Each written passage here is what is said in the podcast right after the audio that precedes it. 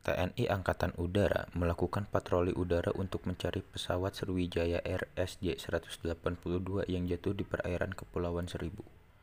Dalam penelusuran via udara, sejauh ini temuan yang signifikan adalah berupa tumpahan minyak.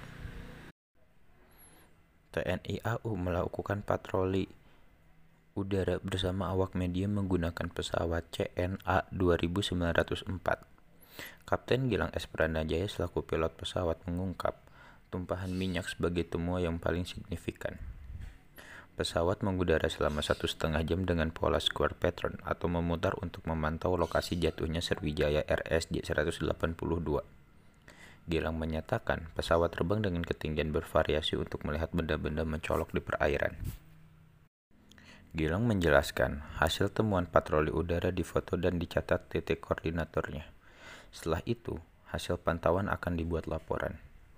Sebelumnya, Asops KSAU Marsda Henry Alfiandi mengatakan pihaknya terus melakukan pencarian Sriwijaya RSJ 182 yang jatuh lewat udara.